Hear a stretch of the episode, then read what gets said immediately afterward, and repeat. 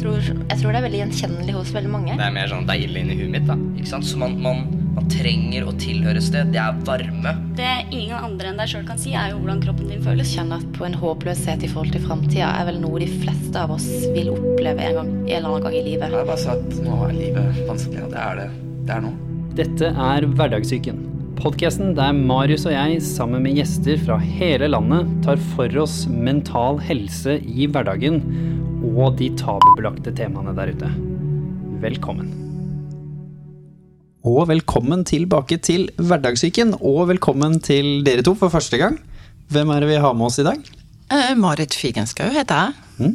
Og ved din side så har du ingen ringere enn Astrid Hognestad. Og vi i dag skal rett og slett snakke om Eller hva du tror vi skal snakke om? Ja, du, det er jeg veldig spent på. vi skal snakke om din reise, Ja. basically. Og vi er så heldige å ha med, seg, altså ha med oss da fagperson som har vært veldig viktig for deg. Som har fått lov å se din reise som en fagperson, og det syns vi er veldig spennende, for det har vi ikke hatt med før. Så nå skal vi både få din selvfølgelig opplevelse av denne reisen, og både da denne tøffe utfordringen og hvordan du har håndtert det, selvfølgelig, og havne utafor arbeid. Og som eh, det virket også som en person som kanskje aldri så den komme i ditt liv. Det var ikke dette du så for deg. Og selvfølgelig da som fagperson hvordan du har hjulpet henne, og selvfølgelig også sett dette utenifra. Hvordan eh, Et eh, veldig godt eksempel på noen som har klart å håndtere dette da, til slutt. Og selvfølgelig noen refleksjoner rundt det. Så det er vel egentlig bare å glede seg, ikke det? Så um, Du kan jo egentlig få lov til å fortelle hva som skjedde. Altså, gjerne begynn med hvem var du før alt dette her? Hva slags type kvinne var du før alt dette her? I dine egne øyne, selvfølgelig. Nei, altså hvis jeg ser tilbake på eh, tida før jeg, jeg ble sjuk, så var jeg nok en ganske aktiv dame. Og jeg sto på ganske mye og jobba ekstremt mye og var veldig opptatt av å levere. Og jeg var veldig opptatt av å være eh, flink, jeg var opptatt av å være best. Jeg var eh, Det ble liksom aldri nok. Ehm, jeg var nok eh, Jeg ble nok aldri god nok i mine egne øyne og hadde veldig eh, store forventninger til hva jeg skulle klare og hva jeg skulle få til. og eh, som for eksempel så eh, hadde jeg jo også veldig dårlig selvtillit. Jeg hadde veldig dårlig selvfølelse. Men, og kava veldig mye rundt eh, i hverdagen. Og egentlig søkte veldig mye anerkjennelse og bekreftelse utenfra. Eh, og um, så fikk, får man jo det. Um, jeg kunne få det f.eks. med at jeg hadde sørga for at jeg gikk og kjøpte meg fine klær. Og jeg kjøpte meg jo klær egentlig for penger jeg ikke hadde. Jeg brukte jo kredittkortet ganske flittig.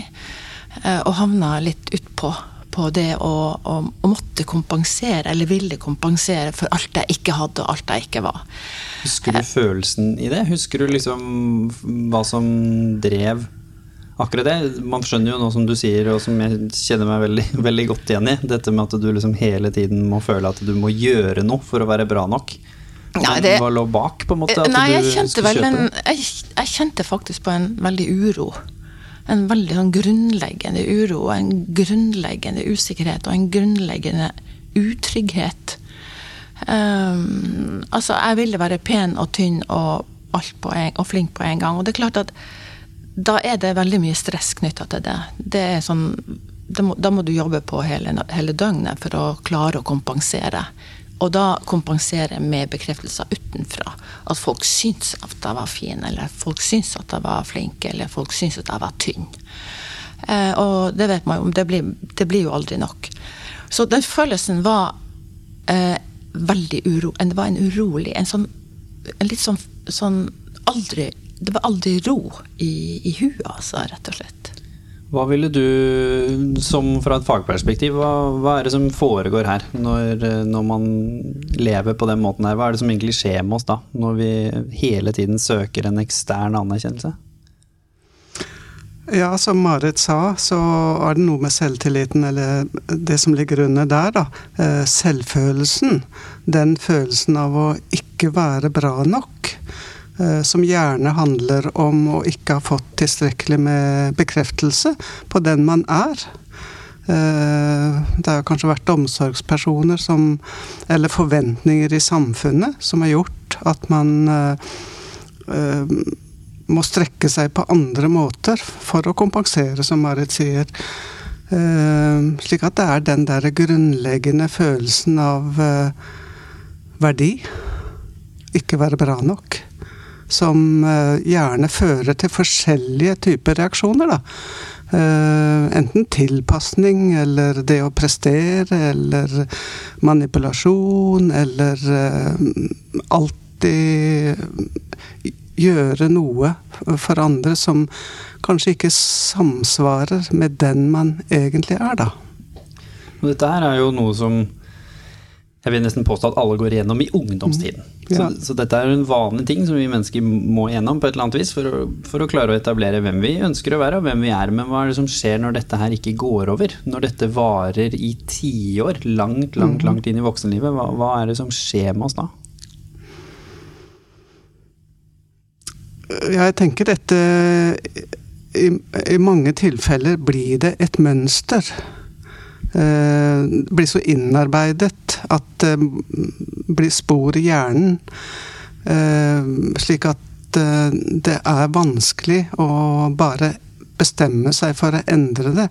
Det er en lang prosess gjerne som skal til, og man må gjerne møte mennesker som ser at man er på feil spor i forhold til den man egentlig er fordi man oppdager det ikke selv? Eller hva er det som på en måte Hvordan opplever du det, du som sikkert har jobbet med mange som har hatt denne problematikken? Mm. Forstår de dette selv?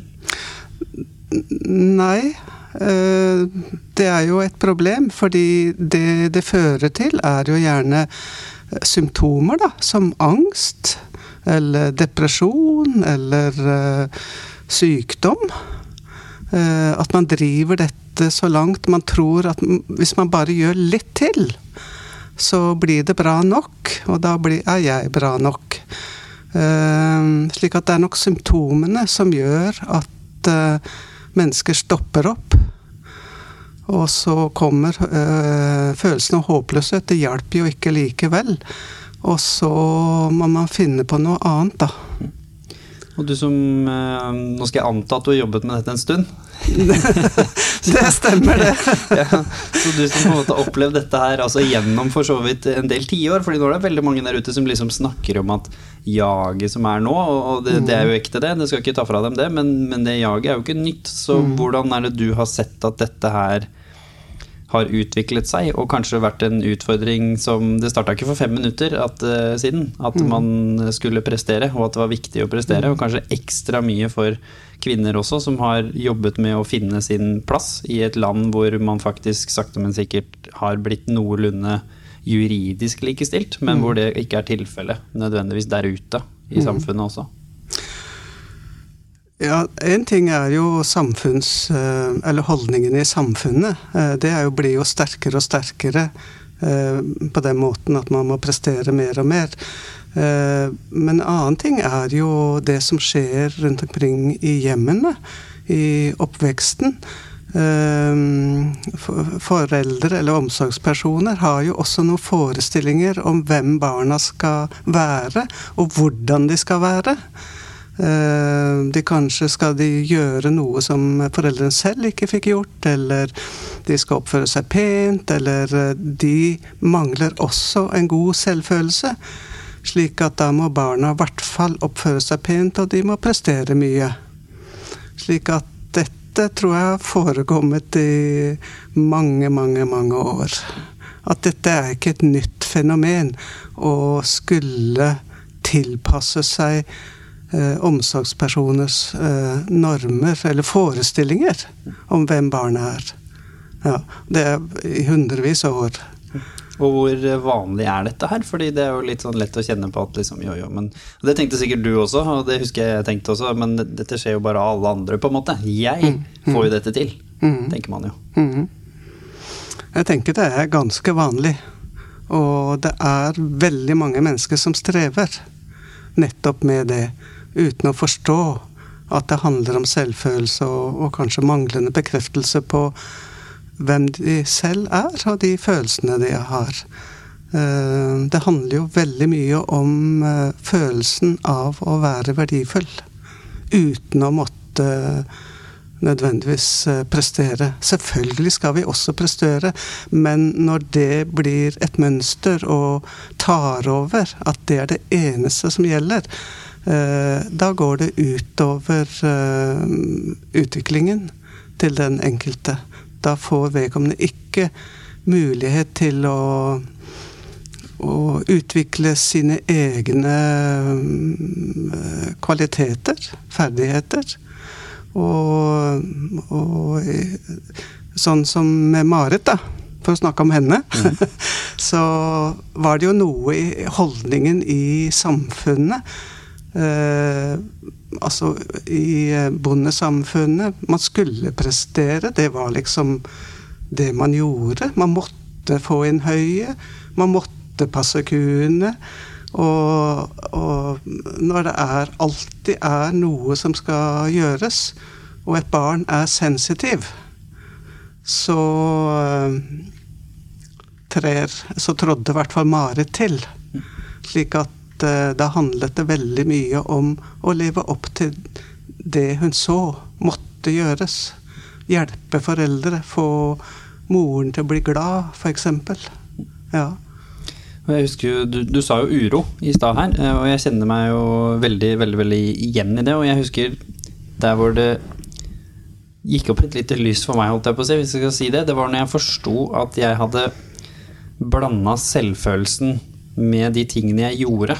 Den har plutselig blitt 100% connecta. Er at min selvfølelse var avhengig av prestasjon.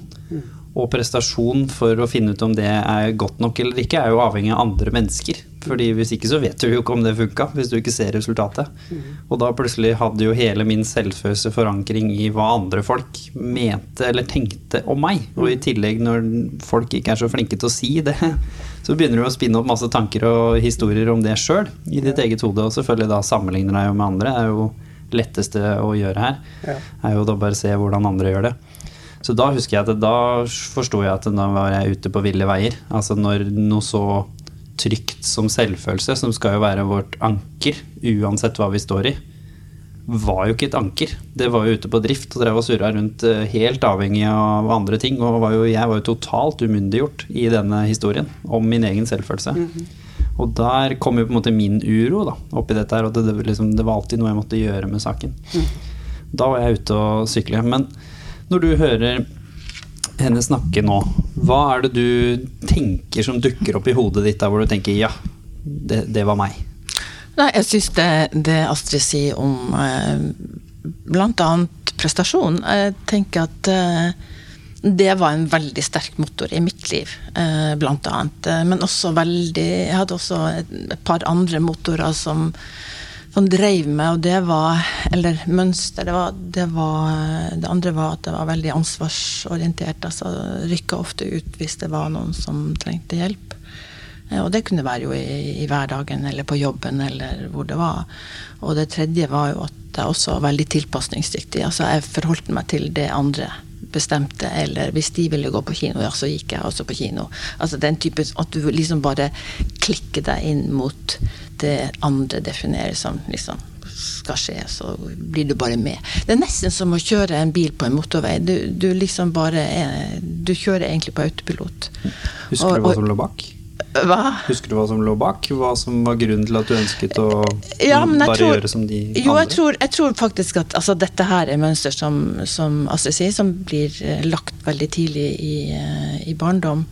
Um, så jeg vokste jo opp på et småbruk. Det var alltid noen ting å gjøre. Og jeg hadde, eh, som også skriver boka mi 'Omstart', som kom i 2018, men det var alltid ting å gjøre. Og det var også en Mor og faren min mista et barn to år fra, før jeg ble født.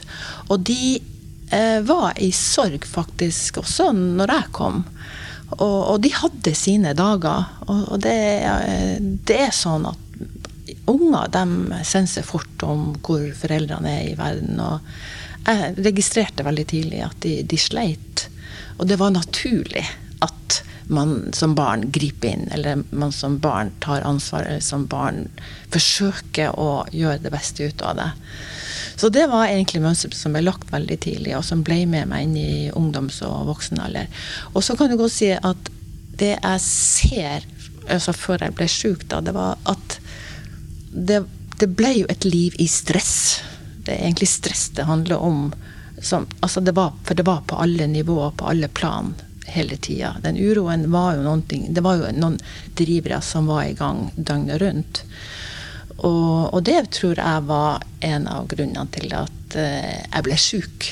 Uh, så jeg har jo brukt veldig mye tid også i ettertid og tenkt på hvorfor havna jeg oppi det. Jo, én ting er å forstå at, at uh, jeg hadde de mønstrene, og de ble med meg. De ble ikke korrigert i ungdomsalder eller voksenalder. Og og slik sett så kan du godt si at jo, barndommen er jo én ting, men jeg ser jo også sånn f.eks.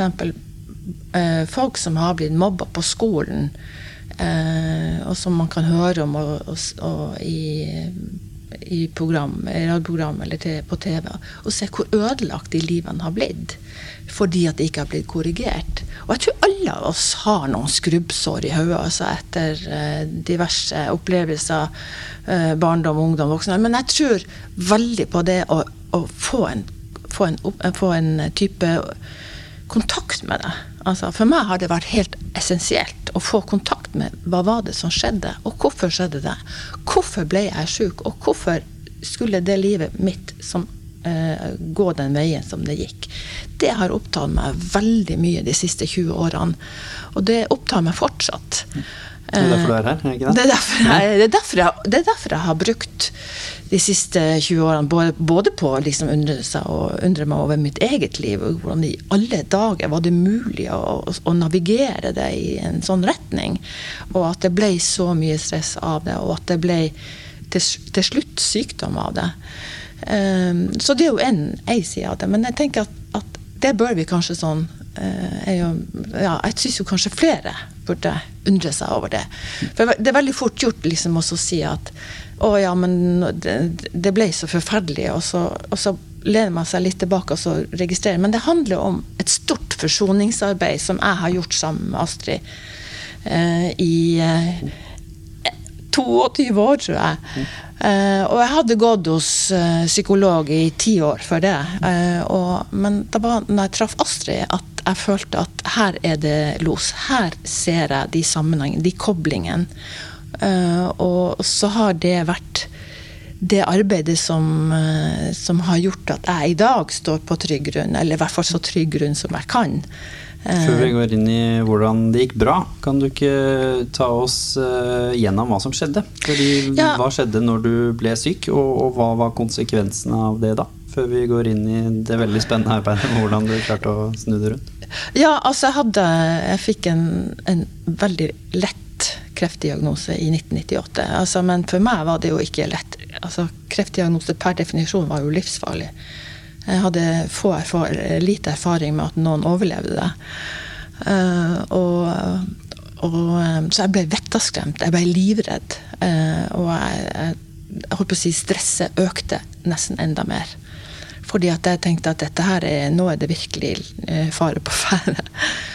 Og så går, går tida, og så får jeg da noen revmatiske diagnoser. Leddgikt, osteoporose og um, artrose og ja, masse forskjellig. Og i kjølvannet av det så selvfølgelig blir også min arbeidskapasitet eh, redusert. Jeg får en eh, jeg, jeg, går ned 20% først, og så går jeg til 60, og så er det 50, og så er det 40. Og så havner jeg i den uførestatistikken som dessverre veldig mange gjør. Hva følte du da? Hva skjer med en selvfølelse til en som knytter prestasjoner til selvverd oppi dette her? Ja, det er jo, det er jo liksom uh, bare å tenke seg. Som har hele sin identitet knytta til arbeid. Som har hele sin identitet knytta til det å prestere. Da, da, er det veldig lite igjen. Og, og det er interessant med arbeid. Det er jo det at veldig mange av oss har veldig sterk identitet knytta til arbeid. Og arbeid er så veldig veldig mye mer enn å arbeide. Det er nettverk, det er vennskap. Det er der vi sliper og bryner kunnskap og utfordringer. Vi, vi får lov å være initiativrik, og det er engasjement. Det, man får venner der. Så arbeid for meg har vært så veldig, veldig mye. Det har fylt hele livet mitt. Og så når du faller ut derfra Nå skjedde det gradvis med meg, sant? Sånn, som jeg har sagt. Og da er, da er den reisen som da gikk over vel ti år, så, så liksom Selvfølgelig. Om jeg hadde dårlig selvfølelse før det der begynte, så var det jaggu meg ikke mye igjen når, det der var på, var på full fart ned. Men på mange måter så Altså oppi alt dette her så var jeg kjempeheldig fordi at jeg hadde leita etter en terapeut som kunne uh, hjelpe meg ut av den uroen. Og jeg kom i kontakt med Astrid året før jeg ble syk første gang, i 1998. Så jeg hadde hun ved siden av meg hele perioden. Under alle, I alle nedturer og de verste eh, periodene.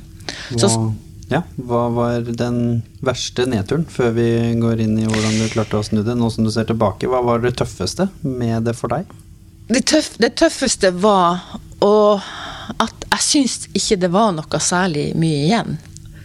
Og, øh, og kanskje var Når jeg ser tilbake nå, så, så kanskje var det nødvendig, men det var, det var ikke noe mening. Altså, og det jeg tenker en ting å ha styrt veldig mye av livet på vilje og på den energien man klarer å spa opp for å komme seg videre og opp på neste dag. Så, så oppdaga jeg at det, hadde, det, var lite mening igjen i livet mitt. Mener, det er vel kanskje det aller, aller viktigste. Kanon når man ikke Altså, én ting å redde, jobbe redusert 40 la, la, oss si 40% redusert. Jeg mener 40% redusert, da er du bare det, Da er det liksom 40% av meg som er vekke, ikke sant? Så, så jeg, jeg syns liksom det med å, å, redusere jobb, det var jo for så vidt kjempefint at man fikk anledning til det, men altså, egenverdien var jo lik null. Like godt. Altså, så jeg slet veldig mye med, med altså, selvfølelsen. Åpenbart uh, Ja det var lite Alt jeg hadde bygd opp av image rundt meg. og det, det, det gjaldt liksom igjen. Det var ikke særlig morsomt å gå ut og kjøpe nye solbriller. Det var liksom ikke, det var liksom ikke så det var ikke så mye som var så veldig, veldig ålreit. For hva, hva, har stigmaen rundt dette her å si? Fordi du har jo en oppfatning av hvor viktig det er å jobbe og bidra og prestere. Og så er det jo en samfunnsstigma i dette her også. Man føler seg jo dømt når du går i butikken og kjører, kjøper solbriller. I hvis du kommer fra et sted hvor mange kjenner deg, da, så føler du liksom ja, det var hun som jobba før, men nå jobber hun ikke lenger, på en måte. Nei, ikke sant. Jeg er jo en av de som man ikke kan se på er sjuk. Eh, og, og, det å, eh, å, å gå på ski på en formiddag, liksom, det er jo da husker jeg i starten så sa jeg det at eh, nei, jeg jobber deltid. For å Hvis jeg møtte noen og de lurte på hvorfor jeg var ute på, på ski på en formiddag. Um, så det var um, Det var veldig mye um, Det var mye stigma, og, og, jeg kan faktisk kjenne på det enda at det å være, se noenlunde frisk ut og ikke være, å være sjuk, det er ikke så enkelt. Um, men, så, men jeg fant også, har også gjennom hele den perioden Jeg er jo veldig glad i å være fysisk aktiv og har, har funnet veldig mye glede også.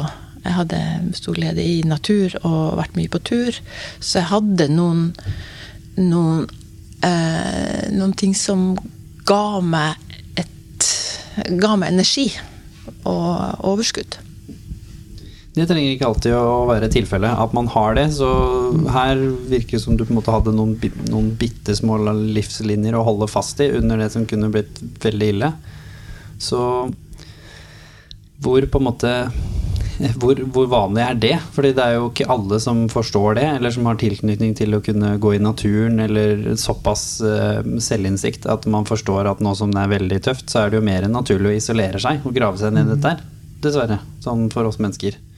Så hva er det som er vanlig når dette skjer? Har du sett der ute? Ja, jeg tenker når man butter imot på den måten der, og ikke og, og, kjenner at kreftene avtar Det gjelder ikke bare sykdom, det gjelder også alderdom. Um, så man ikke har tilgang til uh, den, de, aktivit de, aktivitetene som Marit hadde, så uh, klart, da kan depresjonen komme snikende. Og som du sier, det er lett å isolere seg. Uh, og det er kanskje det vanligste, at man blir deprimert. Fordi man tror at da er alt håp ute man ser ikke de eh, mulighetene som faktisk ligger der likevel.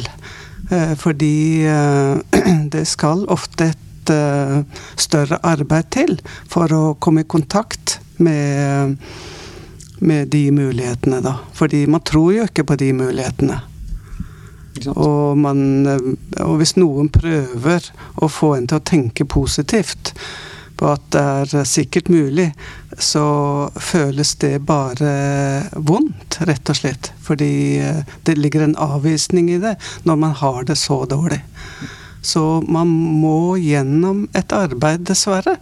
Og eh, da trenger man hjelp. Og her er den der usynlig syk dukker jo også mm. opp her. Hva, ja. hva gjør det med oss? At, fordi det har det hadde jo vært lettere om, om det syns, på en måte. Ja. Fordi da føler du jo i hvert fall at du slipper å forklare, og slipper å mm. føle at de tror deg ikke.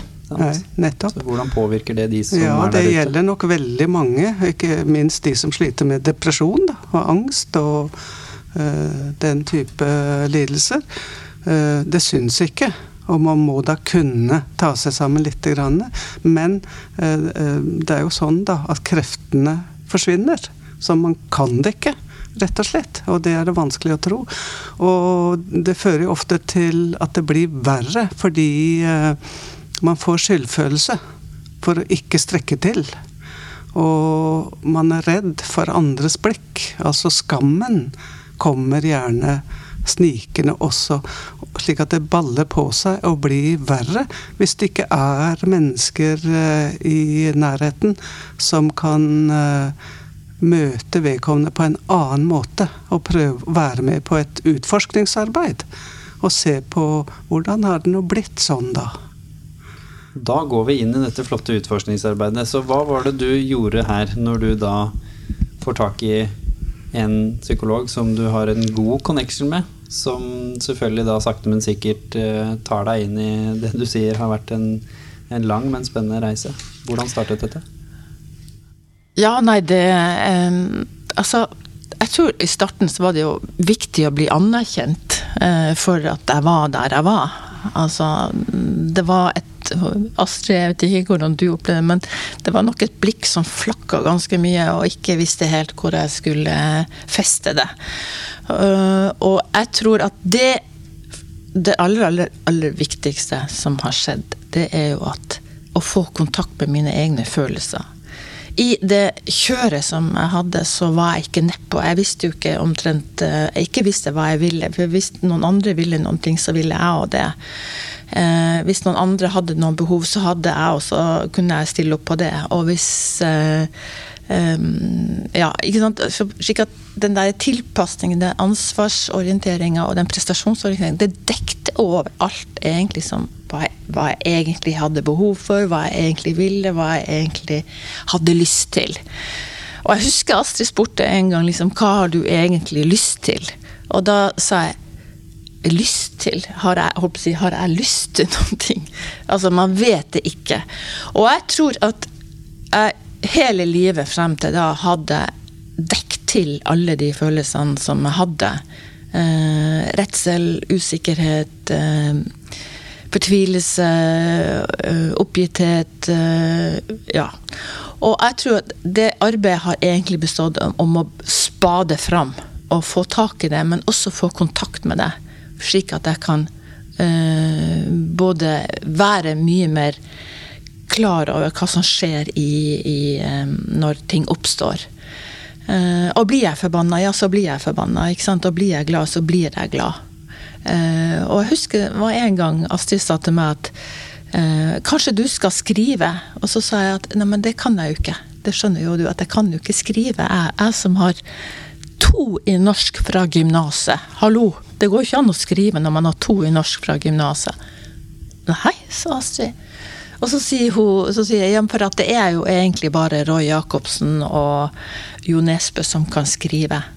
Og så sa Astrid å ja, du må være så flink for å skrive.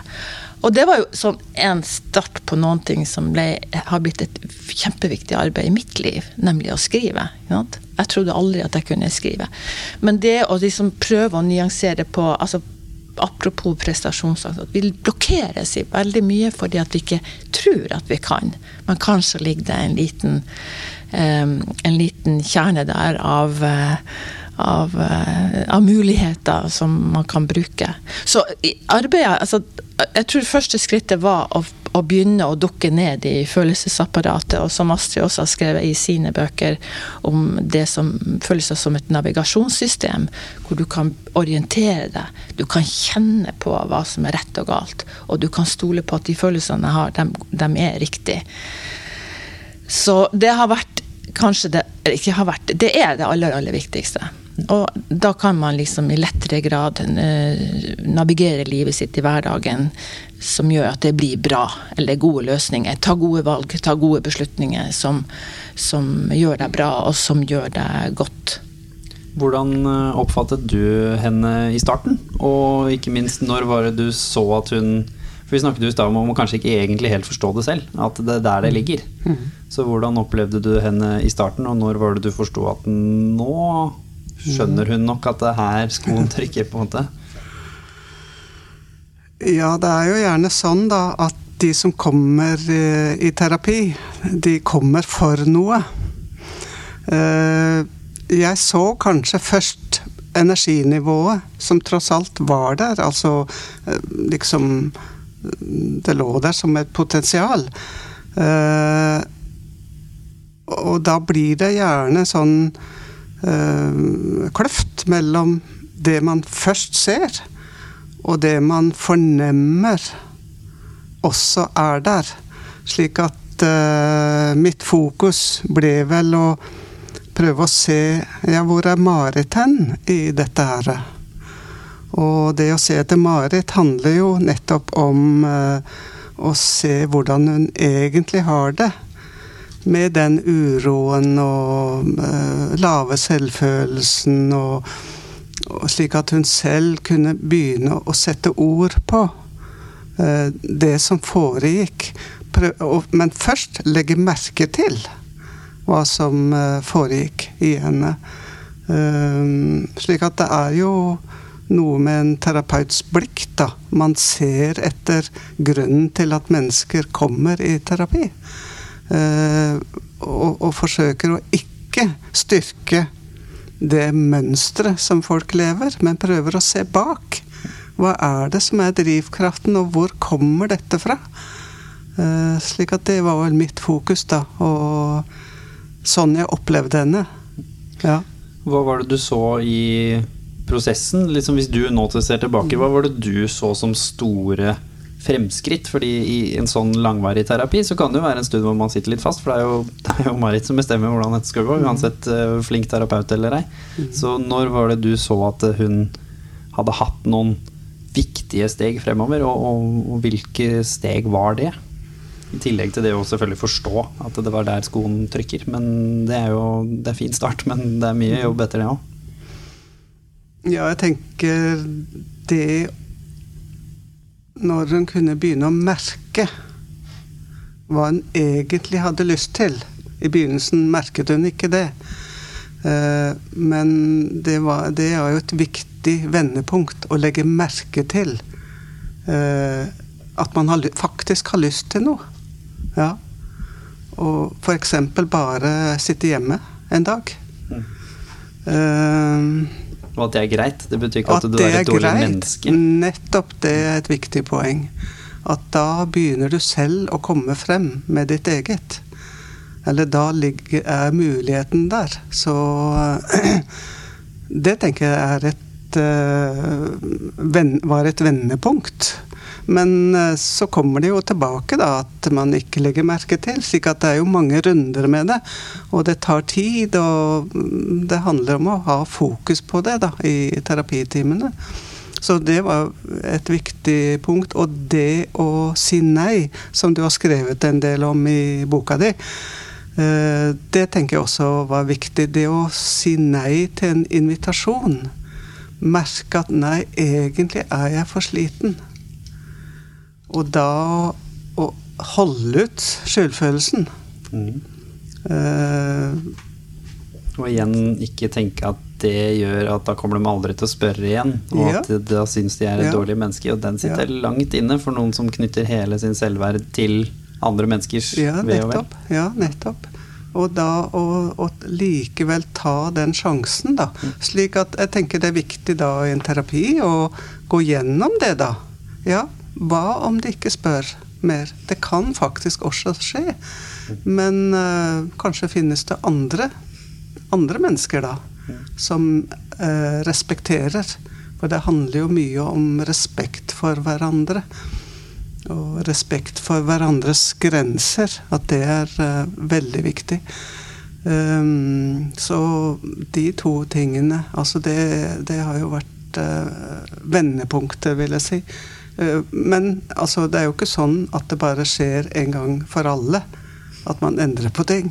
Man må øve, og man må snakke om de tingene som skjer. Og hva er det som skjer når jeg ikke klarer å si nei?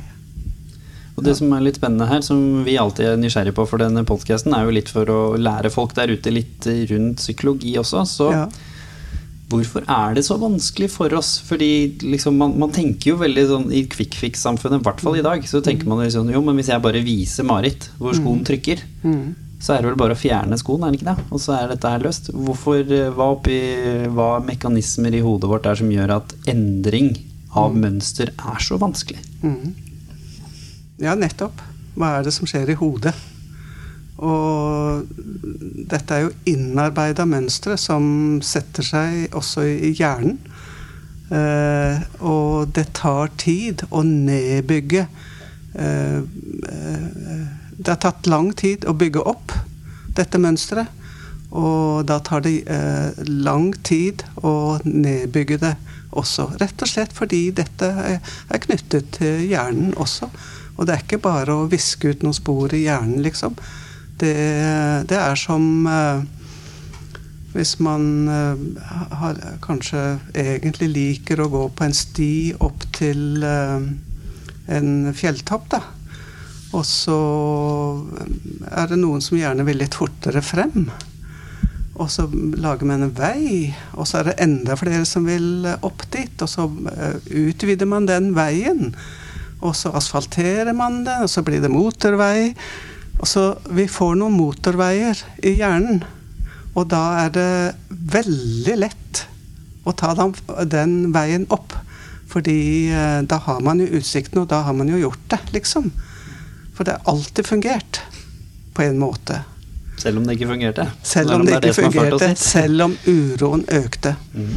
Og da er kanskje den der eh, gamle stien grodd igjen. Ja. Slik at da tar det tid å liksom uh, gå opp den stien igjen. Rett og slett. Ja, fordi dette handler om hjerne Det som skjer i hjernen også. Ja. Så hvordan fikk du til dette her? Hvordan var det du gikk opp eh, denne, denne flotte, natur, kronglete naturstien din og fikk eh, glemt denne motorveien?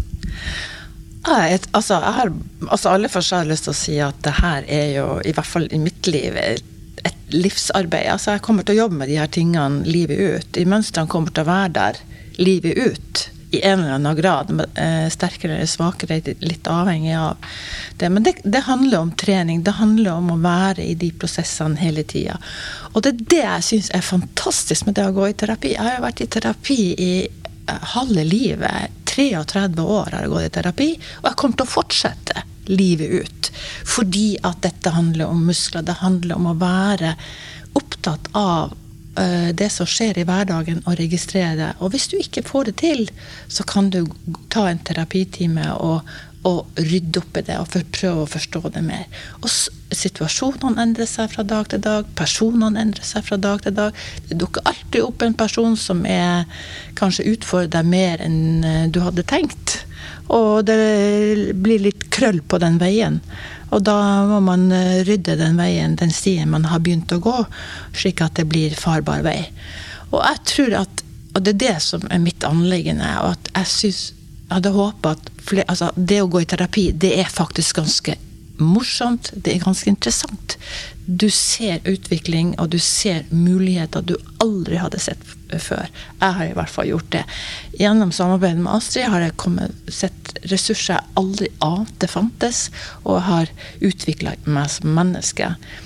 Og jeg tror at vi i Helse-Norge liksom ser på fysisk helse. Vi har jo fastlege, vi har alt av eh, muligheter i helsevesenet som jeg tenner et lys for hver eneste dag hele året gjennom. Men det som skal lime livet sammen igjen når ting skjer, det mangler vi som et tilbud til folk flest. Og jeg tror at vi undervurderer egentlig psyken. Vi vi, vi liksom, det å gå i terapi, det er jo liksom himmel og hav, gjør du virkelig det? Og har du råd til det, og er det liksom nødvendig? Jo, det er det. Det er akkurat det det er. Fordi at dette handler om det, det enorme krefter som, og enorme viktige motorer som skal drive livet framover. Og vi er nødt og, og jeg mener at uh, må, vi må bruke mer tid og mer ressurser. og den, den um, kompetansen må bli mye, mye, mye mer tilgjengelig.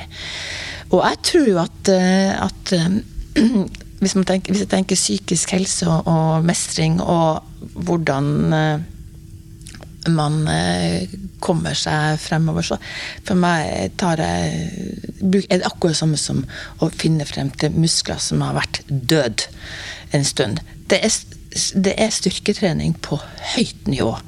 Fordi at hvis man ikke gjør det hele tida, så mister man liksom retningen. Man er ikke helt sikker på hvor man skal, og hvor var det egentlig den stien som jeg begynte å gå, og gud, liksom, nei, og er et veikryss, og var det høyre eller venstre? Og derfor så er det liksom det som, altså, som, er viktig for meg, det er å, å ha den kontinuerlige det kontinuerlige fokuset, det kontinuerlige eh, den kontinuerlige oppmerksomheten på akkurat det apparatet, nemlig følelsene våre. Og så kan noen si himmel og hav-følelser, det er jo noe sånn der eh, svakesgreier. Nei. Hvis man tror det, så, tror jeg, så, har man liksom ikke mis, så har man misforstått egentlig den vanvittige kraften og de mulighetene som ligger i det. Det er jo informasjon, først og fremst. Altså Hvis man liksom skal analysere hva, hva, følelser er for noe, det er jo informasjon fra hva som foregår rundt oss, som skal jo fortelle deg noe. Skal jo lære deg noe, og så er det jo opp til deg om du velger å gjøre noe med det. Det er jo der hvor vi bommer når vi tenker at nei, disse følelsene må vi bare bli kvitt. De må vi bare rydde unna, for det er jo bare vondt. Ja, og det, det, ja, og det som er interessant også i det arbeidet som jeg har gjort sammen med Astrid, eh, har jo vært at eh, vi har brukt eh, drømmer eh, som, eh, som, eh, som, redskap. Altså, jeg har en stabel med bøker hjemme med alle drømmene jeg har drømt opp igjennom de 20 årene. Mm. Og vi har tatt de og sett på de. Hvilke signal er det de gir? Hvilken informasjon kommer i drømmene? Kan jeg, hva kan jeg bruke dem til? Hvilken retning skal jeg gå nå? For det har vært kjempeviktig informasjon om veivalg og beslutninger jeg skal ta videre. Hva var det du gjorde mellom eh, timene? Fordi som du sier, du har brukt timene som en god guiding, som en god referanse til å på en måte justere litt sikkert under stien her, men det er jo et enormt arbeid som gjøres hjemme. Fordi så sant man ikke går eh, sju timer i terapi hver dag, så er det jo det veldig mye mer tid hjemme enn i terapirommet. Jeg har Jeg tror jeg tror jeg har liksom notert eh, ned ting jeg skal gjøre fra gang til gang. Jeg har liksom gitt meg sjøl eh, oppgaver som jeg skal gjøre. For eksempel, jeg skal, jeg skal For eksempel det å si nei, da. Nå ligger det en, eh, en, invitasjon som jeg absolutt ikke trenger og ikke har lyst til å, å, være med på. Da må jeg bare hoppe i det. Og så har jeg kanskje sagt, ringt og sagt at nei, jeg kommer ikke, jeg blir ikke med på den, den turen. Eh, som er planlagt og har vært planlagt lenge. Og sånn. Og da eh, har jeg gjort det, og så har jeg notert ned hva skjer etterpå. Og husk det at Astrid sa, eller vi snakka om det, altså det å skuffe noen. Altså, det er én ting som er sikkert, så kommer jeg til å skuffe noen. Altså, noen blir sur. Ja, ok, så blir de sur. Det er ikke mitt ansvar. Og det, og det, å komme dit at det ikke er mitt ansvar om andre blir sur, om andre blir skuffa, om andre ikke liker meg, det kan jeg ikke gjøre noe med, men jeg kan gjøre noen ting med at dette er et, et opplegg som ikke kommer til å gjøre meg bra. Jeg kommer til å bli kjempesliten av det. Dette kan jeg ikke gjøre. Og at eh, man skuffer jo mennesker hele tiden. Det betyr ikke nødvendigvis at du har mindre verdi i deres liv, hvis du er allerede en sterk relasjon og en god venn eller familie eller hva det nå skal være. Jeg har aldri mista en venn på det. Tvert om har folk sagt du, det der skal jeg også begynne med. Og vi kan jo ta f.eks. høytider som jul. Jeg tror man kan avlyse en dag i jula uten at det skjer en katastrofe. Det er ingen, som, ingen, venn, ingen gode venner forsvinner på det. Og man kan gjøre det på en skånsom og en hyggelig og en vennlig måte, og det går superfint. For Det er jo litt et paradoks, er det ikke det? Fordi det er noe som jeg tror fryktelig mange der ute Uansett om de sliter, sliter med dette her, så er det veldig mange der ute som, som har det veldig vanskelig med å si nei. Spesielt mm. til mennesker som da betyr noe for dem, og kanskje spesielt hvor anerkjennelsen deres betyr noe for dem. Sånn mhm. typisk da rollemodeller, gode venner, familiefigurer, folk som kanskje har stilt opp for deg. altså hva, hva, er dette for et paradoks? At man liksom tror at et nei ødelegger et 20 år vennskap. Det høres jo helt fjernt ut, men vi tror jo fortsatt det. Ja, jeg tenker det henger sammen med en følelse av ansvar. At det er bare opp til meg om dette vennskapet fungerer eller ikke. Og, og, og det henger sammen med tilpasningsmønsteret. At det er blitt så automatisert at man ikke legger merke til den ulike vekten som da oppstår. At eh, det er to parter i et vennskap. Eh, den andre må også lære å respektere eh, grenser. Eh, slik at det handler om mønster igjen. Men kan jeg si litt om følelser? For følelser er jo så mangt, ikke sant? Man kan tro at om man får skyldfølelse, eller om man føler seg veldig krenket av noen, så er det Så må man liksom ta hensyn til alle følelser. Men jeg tenker også det er viktig eh, hvis man f.eks. Eh, er i en eller, en eller annen relasjon, og den andre sier noe som sårer en, så kan man prøve å, å si ifra, men det er ikke alltid så enkelt. Men i hvert fall ikke hvis man føler seg veldig såret og drukner i, i sårethet. Og da tenker jeg det er viktig å prøve å se hvorfor blir man så såret? Eh, for det henger gjerne sammen med at man ikke er blitt sett eller bekreftet i oppveksten. Og da blir man lettere såret. Og da tror jeg også det er viktig å bearbeide. Og bearbeide handler nettopp om å se eh, historien oppveksthistorien. Hvordan hvor lite man har blitt sett, hvor lite man har blitt be bekreftet. Og, og, se på de helt konkrete historiene. Eh, fortelle om dem. Eh, slik at eh, man må også skille mellom følelser som uh, hører en annen tid til, fortiden til, og de følelsene som hjelper en til å navigere i uh, livet. Jeg har hatt en del, uh, mange spennende samtaler selvfølgelig med folk opp igjennom. Og en av de tingene som har dukket opp rundt akkurat det du snakker om nå, som er litt spennende, som, som har for så vidt dukket opp i det siste også, er hvis du ser på din reaksjon og din følelse rundt noe mm. på den ene siden, og så ser du på en måte logikken rundt hendelsen, altså fra et så objektivt uh, vis som du kan, og så forstår du at følelsen og det du sitter med, ikke henger sammen med hva mm. som skjedde. Den er kanskje for sterk objektivt sett for en liten avvisning, f.eks., og så ja. blir dette voldsomt. Ja. Der har jeg på en måte funnet en liten sånn nøkkel til hvordan man selv kan klare å identifisere noe som er veldig vanskelig å identifisere. Når jeg da tør å se ok, hva er det jeg egentlig føler nå? Hvor, hvor mye, hvor lite? Hvilken følelse? Hvilke føler selv? Og så se på hva skjedde egentlig? Gir det mening at jeg skal føle dette så sterkt nå? På grunn av den hendelsen, objektivt sett. Hvis, jeg, hvis dette var min venn som gikk gjennom det, hva hadde jeg, hva hadde jeg tenkt? Og der ofte klarer jeg da å spore de følelsene som jeg bare sånn ah, dette henger jo sammen med at jeg ikke følte anerkjennelse fra spesielt faren min når jeg var liten, at jeg ble mobba mye. At mye av de samme mekanismene som, som Marit uh, slet med, selv om det var andre grunner bak, så var det dette med prestasjoner må til for å være bra nok. Og så plutselig så ble jeg sånn Å ja. Dette har jo ikke noe med den andre personen å gjøre, egentlig. Dette har jo med meg å gjøre. Det er en bitte liten avvisning her, men altså, det får du jo får du hele tiden. Hvis man skal reagere så sterkt hver gang man får en liten avvisning, så blir livet litt sånn. Så bare det å identifisere det gjorde jo da at følelsene ble mindre.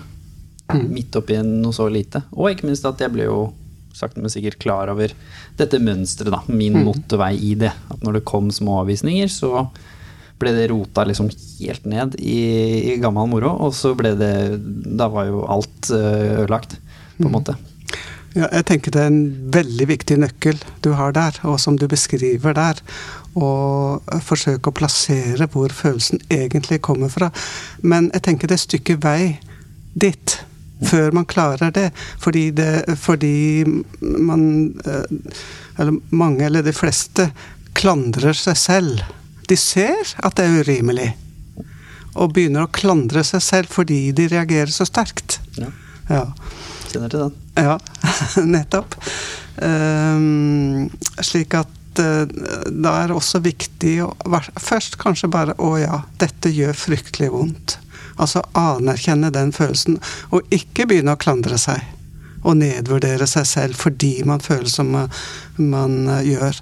Men uh, kanskje få litt hjelp, da, til å, å, å, sortere ut hvor det, hvor det egentlig hører hjemme. Sånn som du Og, og komme frem til den nøkkelen. Fordi jeg tenker det er en krevende øvelse. Og en krevende nøkkel. Og det er en prosess å komme dit. Og det, det må også anerkjennes. Jeg lykkes jo ikke hver gang engang. Altså nå, som du sier, dette er jo trening. Så selv om jeg vet Det er trening det hele livet. Ja, funker ja, jeg opplever også det, at eh, jeg må trene. Ja, selv som på Selv som godt voksen, som man kaller meg. ja. Ja. Så har du fortsatt småting i livet du òg, hvor du bare 'Dette burde jo jeg vite'. Ja, nettopp. Sånn er det. Sånn det. Men det, det, man får mer oversikt etter hvert. Og det er, blir lettere å håndtere ting eh, med høyere alder hvis man har jobbet med disse tingene i, løpet av livet. Ja. For hva er det du ser eh, nå? Nå har vi jo forstått at du har jobbet deg gjennom, men hva ble også den praktiske biten du jobbet deg gjennom? For der du slapp oss av, så var du jo som du sa inne i uførestatistikken, sånn rent sånn praktisk sett. Så hvordan har reisen vært etter det? Og hvordan på en måte fant du meningen med livet? Fordi som du sa, når du mista jobben, så satt jo du egentlig med ingenting. Nei, som eh, Ja, det, det å eh, havne utafor arbeidslivet er en stor prosess. Altså, folk sa til meg at ja, det kan ikke være noe problem for deg, Marit, du som eh, drar så mye på tur, og du som skriver, og du som har så mange interesser og gode venner og alt det her. Eh, men selv det, selv det til tross, så er det å slutte å jobbe var det en veldig vanskelig prosess. Jeg savner det, kan savne det en dag i dag. Den, det fellesskapet og de vennene og det miljøet hvor det folk Altså mye gode folk, mye gode samtaler og flotte oppgaver. Eh, men det som har vært prosessen etter det, er jo at jeg har skrevet mye. Jeg har produsert veldig mange kronikker for dagspressen de siste ti årene, og jeg har produsert to bøker. Eh, Den ene boka om turene mine, og den andre om den prosessen som vi nå sitter og snakker om. Eh, Og, så du kan an si Og jeg tror stikkordet er mening. Altså hva gir mening i mitt liv? Og hva er viktig i mitt liv? Og, og prøve å finne frem til det. det. Og det er ikke gjort over natta, altså. Eh, og jeg går jo fortsatt i terapi. Jeg, liksom, jeg fortsatt jobber med problemstillinger som dukker opp underveis. Og det hele tida da har jeg tenkt på Jeg snakka om den identitet i sted. Det er hele tida snakk om å justere og jobbe med identiteten. Hvem er jeg nå? Nå jobber jeg ikke. Hvem er jeg nå? Hva, skal, hva skjer nå? Og, og være litt åpen og nysgjerrig på det. Akkurat per nå så har jeg, har jeg det veldig sånn trygt og godt rundt meg. Men det er stadig vekk ting som dukker opp i forhold til eh, det vi snakker om at med, med hvor, skal, hvor skal livet ta, ta, veien nå neste gang. Jeg tenker at eh, altså hvis man ser på bruker jeg, å si at, eh, jeg bruker å si at livet er direktesendt TV. Det går nå. Og så er det veldig mange ganger at man kunne tenkt seg til og sagt at å Guliland, var det, var, var, det, var det nødvendig, eller var det noe smart, eller var det Man kan begynne å kritisere, kritisere seg sjøl veldig. Eh, men sånn jeg sier de som eh, jeg kjenner som jobber i TV, sånn sendt er sendt. Og, det, og det, det, er liksom Jeg har jo også brukt veldig mye tid på en eh, kar som heter Obersen, som jeg beskriver boka mi. Ikke sant? Den indre stemmen, kritikeren, mobberen, som alltid har kritisert meg på at å, det skulle du ikke ha gjort, og det skulle du ikke ha sagt, og nei, det, var det mulig, og var det nødvendig? Og det er også sånn, den, det er en sånn stemme som går litt inn og ut, litt avhengig av hvor jeg er. Og, og, og så, sånne ting. Jeg tenker på hvor jeg er nå. Jeg er inni de, de, samme prosessene, men jeg er blitt mye mer bevisst. Og bevissthet tror jeg er et av de stikkordene som, som har brakt meg dit jeg er i dag. Liksom Å bli litt bevisst. altså Kunne klare å forutse litt før det skjer. Slik at jeg kan liksom sånn si stopp, nå, nå må jeg ikke si ja til, det, til den uh, sommerfesten. Det blir for mye. Eller, også, men så skjer jo det at uh, jeg, jeg, har så lyst, og så før jeg har tenkt, så sier jeg jo ja. Og dermed så har jeg jo liksom bundet meg opp, tror man. Men man kan gå tilbake, og så kan man endre på det. Og jeg tror og hvis jeg, jeg, jeg, tenker at hvor er jeg nå? Jo, jeg er jo i et univers der alle andre folk er, og jeg bare eh, roter på en annen måte. Men jeg, det er veldig mye, mye trygt og det er godt, og det er spennende, og det er mye Og livet vil sannsynligvis eh, Det vil være masse ting på veien min som vil uh, være utfordrende. Og jeg, det er sånn, sånn, Snakk om fremtidstro. Det er jo det som det egentlig handler om. Å få fremtidstro. Å være, finne mening. Og det er mange ting man kan, uh, kan holde på med. Så jeg tror jo at, at det som du var inne på altså Jeg tror at ting skjer, men jeg tror at det er veldig mye jobb knytta til det med forsoning og, og, frigjøring fra det som har skjedd. Den direkte sendinga er sendt, og hvordan kan jeg nå forsone og frigjøre meg fra at ok, det skulle vært gjort annerledes, men det er veldig lite jeg kan gjøre. Jeg har gjort mitt beste, og det er godt nok. Ja, fordi hva begynte å skje etter hvert når du begynte å forstå det? Vi snakket om selvfølelse og prestasjoner i stad, hvordan de i ditt liv og mitt liv eh, en periode var 100% sammenkoblet. Hvordan, hvordan, er det nå? Uh, nei, jeg, jeg, har jo ikke Jeg har jo tid til å reflektere, jeg har tid til å skrive, og det gjør jeg jo fort, fortsatt. Uh, det er en større balanse i mitt liv. Altså, jeg har mye mer ro, jeg har mye mer uh, tid tid til å gjøre ting som er viktig for meg å gjøre. Mm. Så det, jeg vil nok Altså, prestasjonsangsten har jo vært en veldig hard nøtt. Og den vil jo være der sannsynligvis også hele livet. Men jeg holder jo foredrag, og det har jeg gjort også siden første boka kom i 2011, eh, om stress. Nå holder jeg om stress. Eh, og, og det er jeg kan jo bare by på mitt eget liv. Og jeg merker jo det at folk kjenner seg igjen. Det er jo akkurat sånn livet er. Eh, og eh, det er veldig mye mening i det. Å dele og se at den veien jeg gikk, den, den har vært uh, tatt sin tid. Og den, det, det, er kanskje den veien Ikke kanskje, det er den veien jeg skal gå. Jeg skal jobbe med de tingene. Jeg skal publisere ting, og jeg skal snakke om det som er livet selv. Hverdagslivet, utfordringene vi har, og det er de mulighetene vi alle har. Og så får vi veldig mye. Altså, vi, har, vi lever i et fantastisk samfunn med alle de mulighetene gjennom at vi har eh, ordninger som sikrer oss, og vi har et helsevesen som også sikrer oss. Men den veien som handler om psykisk mestring, psykisk helse, eh, følelser, identitet, stress og dette her, det må vi ta hånd om eh, dessverre sjøl nå. Og det tror jeg det er et, et eh, område som jeg skal bruke resten av mitt liv på. Jeg eh, hadde gleden av å bli invitert til eh, TEDx og holde et eh, foredrag i Portugal. Om da selvfølgelig, da må man velge noe nytt. Du får liksom ikke lov å bare si noe som noen andre har sagt før. Så du må på en måte komme opp med en, en, en påstand og en tanke, og så må du selvfølgelig ha noe grunnlag for å si det. Og det jeg snakket om, var at i våre intervjuer, og alle disse menneskene som jeg har snakket med og intervjuet, så har jeg lagt merke til at de som klarer på et eller annet vis å inkorporere den utfordringen de har hatt, i det de nå gjør, de virker å ha healet enda litt mer. Så det at du fikk muligheten til å skrive bok og holde foredrag, hvordan har du sett at det har hjulpet deg til å finne denne meningen? Fordi nå plutselig gir du jo mening at du har vært gjennom det, fordi du kan hjelpe andre. Jeg syns det er fint det du sier nå. for at jeg tenker vel at ja, vi har alle vår barndom, og den er nå sånn eller slik. Og jeg tror at det som Det arbeidet som jeg har gjort som Astrid, har jo vært et integrasjonsarbeid også. Altså å integrere ting som har skjedd, liksom, og bruke det videre fremover. Jeg syns det er fantastisk altså, når jeg kan by på, som jeg sier, min egen skittentøykurv. Den er jo full. Ikke sant? Og så kan folk si ja, men mine er også akkurat likeens.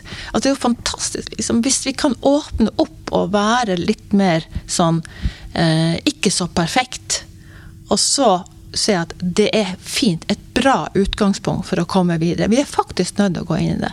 Og jeg blir litt provosert. Jeg, jeg, kjenner at jeg blir ganske provosert når jeg hører sånn quick fix. Altså, det her er jo bare å tenke positivt. Vet du, jeg har tenkt så positivt. Jeg har vært steinsjuk av det. Så det går ikke. Altså, det, og alle de her ti tips for å få bedre selvtillit. Jeg, skulle, jeg har stått veldig lenge foran speilet og sagt at jeg var kjempeflink. Men jeg har ikke blitt noe flinkere av det. Og jeg tror ingenting på det. Rett og slett. Og det, og det kan jo godt være altså, Må man gå så dypt? Jo, faktisk noen ganger så må man grave litt dypt. Fordi at det gullet det er på bunnen. Og da må man liksom dit ned for å finne Ta tak.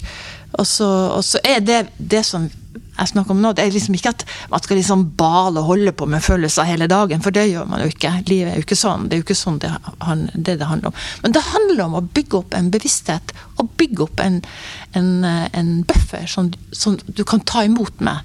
Og det er noe helt annet enn å, å, um, enn å ikke ha det. Altså, jo, veldig mange av oss går jo ofte i en sånn offerrolle, og jeg har også vært der. Altså, jeg syns jo alle var teite rundt meg, og ingen forsto noen ting, og legen var dum, og kjæresten var enda dummere, og sjefen var helt ko-ko. Altså, og sånn er det jo. men, men det dette handler om, dette handler om å ta ansvar, for da gir man jo fra seg ansvar, men dette handler om å ta ansvaret tilbake og si at det er jeg som kan gjøre noe med det. De andre, de kan ikke gjøre noe med det. Og vi undervurderer faktisk ganske mye den der offerrollen. Virkelig, altså. Man undervurderer egentlig de kreftene som ligger der. Fordi at det handler jeg treffer jo veldig mange helsearbeidere, og jeg har også vært ganske forbanna på dem, selvfølgelig. Og med urette, selvfølgelig. Men altså, dette her handler jo veldig mye om reaksjoner på eget liv. Altså, det, det, gikk faktisk ikke sånn som jeg hadde tenkt. Det ble ikke det jeg hadde forestilt meg. Det gikk ikke den veien jeg hadde staka ut. Det ble en bråstopp. Og da er det veldig Men da det er derfra jeg må begynne, og ikke begynne å skylde på andre. Og nå i denne koronatida har jo de fleste av oss hatt en bråstopp. Vi har jo vært, på, vært innestengt, faktisk, i, i ukevis. Og jeg, jeg, tror jo også, som jeg ser rundt meg, så har veldig mange folk liksom funnet ganske mye mening i det likevel. Folk har vært kjempeflinke. Folk har gått på tur, folk har liksom fått det rolig, folk har stressa ned.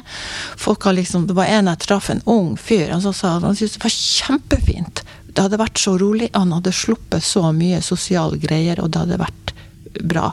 Og så er det ikke bare bra, men jeg tror at det, det dette handler om, det er jo å, å være litt åpen og være litt bevisst og kjenne litt dette. Altså få ned turtallet. Altså fra å kjøre i 100 på motorveien, så kjører vi kanskje faktisk alle, alle mann alle nå i 50, og det går helt fint. Men før så var det sånn hvis du kjørte i 60 på motorveien, så var det jo ko-ko. Altså, det var jo Tuta på? Ja, vi tuta på og skjelt ut og alt på en gang. Så jeg håper jo at korona sånn sett har gitt oss en anledning til å gå litt saktere og kjenne litt etter, og så finne noen muligheter i det. Hva tenker du, som eh, erfaren fagperson, eh, hvor viktig det kan være å passe på at eh, det tøffe vi har vært gjennom, og den traume vi har vært gjennom, ikke bare er når vi kaster ned i en kiste og graver ned, men at vi faktisk forstår hva vi har fått av den av ressurser, og at dette kan faktisk nå brukes i veien fremover. Det er ikke sånn at alle må skrive bok og være foredragsholder eller drive med det jeg driver med, men du kan bare f.eks. snakke om det og være der for en venninne eller for en kompis. Det mm. alene vil jo gi mening med det du er i nå. Ja, nettopp. Jeg tenker det å gjennomleve en sånn prosess som det Marit har gjort, og, og veldig mange gjør, Eh, det å komme i kontakt med egne følelser, med egen historie, lære å skille mellom eh, nåtidshendelser og det man er preget av før. Eh, kjenne på hva man har lyst til, hva man ikke vil. Altså, det endrer jo en, ikke sant? Og det endrer holdningen til en selv, og det endrer holdningen til andre mennesker. Man blir mer tolerant av å ha kjent på smertene i livet. Og gjennomlevd smertene i livet. Det skaper et utvidet eh, perspektiv på livet. Og det er lettere å håndtere andre mennesker og en selv Eh, når man har den erfaringen. Slik at jeg tror ikke det er mulig å bare putte det i en kiste, liksom. Fordi man er endret.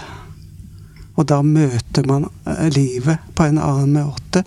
Og livet er uforutsigbart. Det har vi opplevd nå, ikke minst. Og mange opplever det stadig vekk, og har opplevd det mye. Og med en slik eh, prosess eh, i bakgrunnen, eller som bagasje, så er det lettere å eh, håndtere det uforutsigbare. For det må vi regne med at livet er. Absolutt.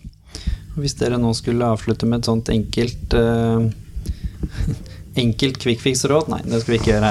Eh, hvis dere skulle avslutta med noe med én ting som dere vil at folk eh, kanskje spesielt skal sitte igjen med, om det er en tankeøvelse, om det er et spørsmål de skal tørre å svare på eget liv, eller om det er en liten ting de kan, kan begynne med for å kanskje komme i gang med en større prosess. Da. Hvis de sitter nå og kjenner på at de kjenner seg igjen i historien din, og de kanskje er enig i at de har lyst til å prøve å gjøre noe med det. Hva tenker du de kan tenke på da? Nei, jeg håper jo eh, Altså, jeg bruker å si at jeg har ikke noe Jeg vet ikke om jeg kan motivere eller inspirere noen til noen ting som helst, men jeg håper jo at kanskje noen har fått noen flere spørsmål enn svar.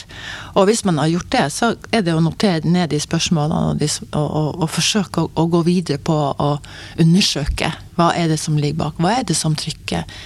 Og så, om man ikke har det, så kanskje man har noen spørsmål til en venn, og, og begynner der. Uh, og jeg har hatt stor glede av å ha en notatbok med meg eller skrive på telefonen et eller annet som dukker opp. Dette vil jeg undersøke. Og du? Hva har du for noen spennende tanker som du tenker kan være fint å kjenne på for de som kjenner at de kjenner seg igjen? Ja, jeg tenker det er viktig å legge merke til de impulsene som dukker opp. Og da ikke gå inn i det gamle mønsteret med å å fornekte det, eller bare skyve det vekk. Men faktisk mm, det har jeg faktisk Jeg har faktisk litt lyst til å snakke med det mennesket, f.eks. Eller øh, gå den turen, eller melde meg på et kurs, eller øh, å, å følge det. De små impulsene. Kanskje bare gjøre noe lite. Eh, men følge de impulsene, for det er de som skal lede en videre. Jeg skal faktisk avslutte med en litt sånn artig øvelse som jeg har gjort uh, i det siste, som jeg tror kan være litt uh, relevant. Jeg har gått veldig mye mer inn i det som for så vidt kalles Joharis vindu, hvor man da også må oppleve seg selv fra forskjellige perspektiver. En ting både fra sitt indre og dele det med andre for at andre skal få innsikt i det. Og man må også tørre å spørre andre om hvordan de har opplevd deg, for at du skal få innsikt i det. Ikke for at det skal definere deg, som vi har slitt med, men for at du skal få større forståelse for hvordan du eksisterer. På en måte Litt som forskjellige versjoner av deg selv, nesten. For at du da skal få større forståelse for deg selv, selvfølgelig, som er målet her. Så da har jeg gravd litt i min egen historie gjennom andres øyne i det siste. F.eks. søsteren min har jeg spurt en del ting. Hvordan hun opplevde hva hun husker. Hva var viktig for henne med meg som, eh, som bror. Det samme med, med pappa eller stefaren min og, og, mamma. Og flere. Og venner og sånn. Og også da prøvd å putte dette i kontekst av det veldig store arbeidet jeg også har gjort sammen som, som deg, Marit. Hvor jeg da har gått tilbake og sett hvor, hvor kommer eh, ulumskhetene mine fra. Og har jo ganske god kål på det nå, føler jeg. Men det manglet en del aspekter i historien allikevel. Fra andre menneskers øyne. Fordi jeg husker jo bare hvordan ting føltes i bruddstykker. Altså Minnet vårt er jo det det er, på en måte. Det er ikke en full fargefull film i full live-versjon. Det er jo det er jo highlights.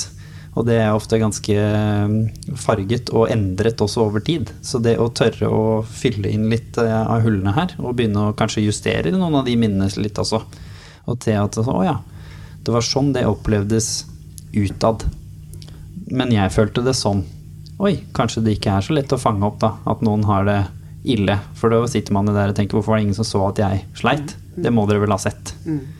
Men de gjorde kanskje ikke det, fordi jeg var så god til å skjule det. Og måten de så på livet på den gangen, ga de kanskje ikke verktøy til at de skulle kunne fange opp at jeg sleit, osv. osv.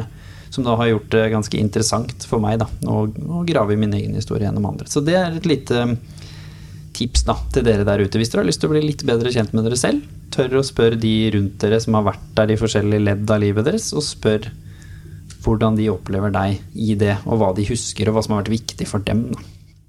Det, det, var spennende, rett og slett.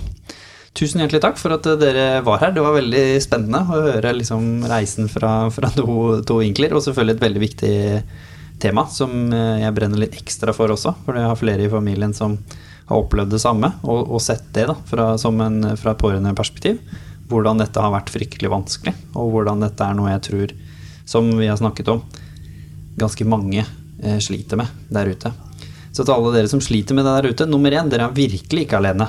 Det er jo førstelærdommen å ta med seg her, både, både med Marit, men og de jeg kjenner, og min egen reise, som veldig enkelt kunne ha endt opp der også, hvis ikke jeg var heldig og hadde folk rundt meg som klarte å nappe meg litt i håret. Men nå kan det hende jeg havner der fortsatt, men det må livet vise når vi kommer så langt.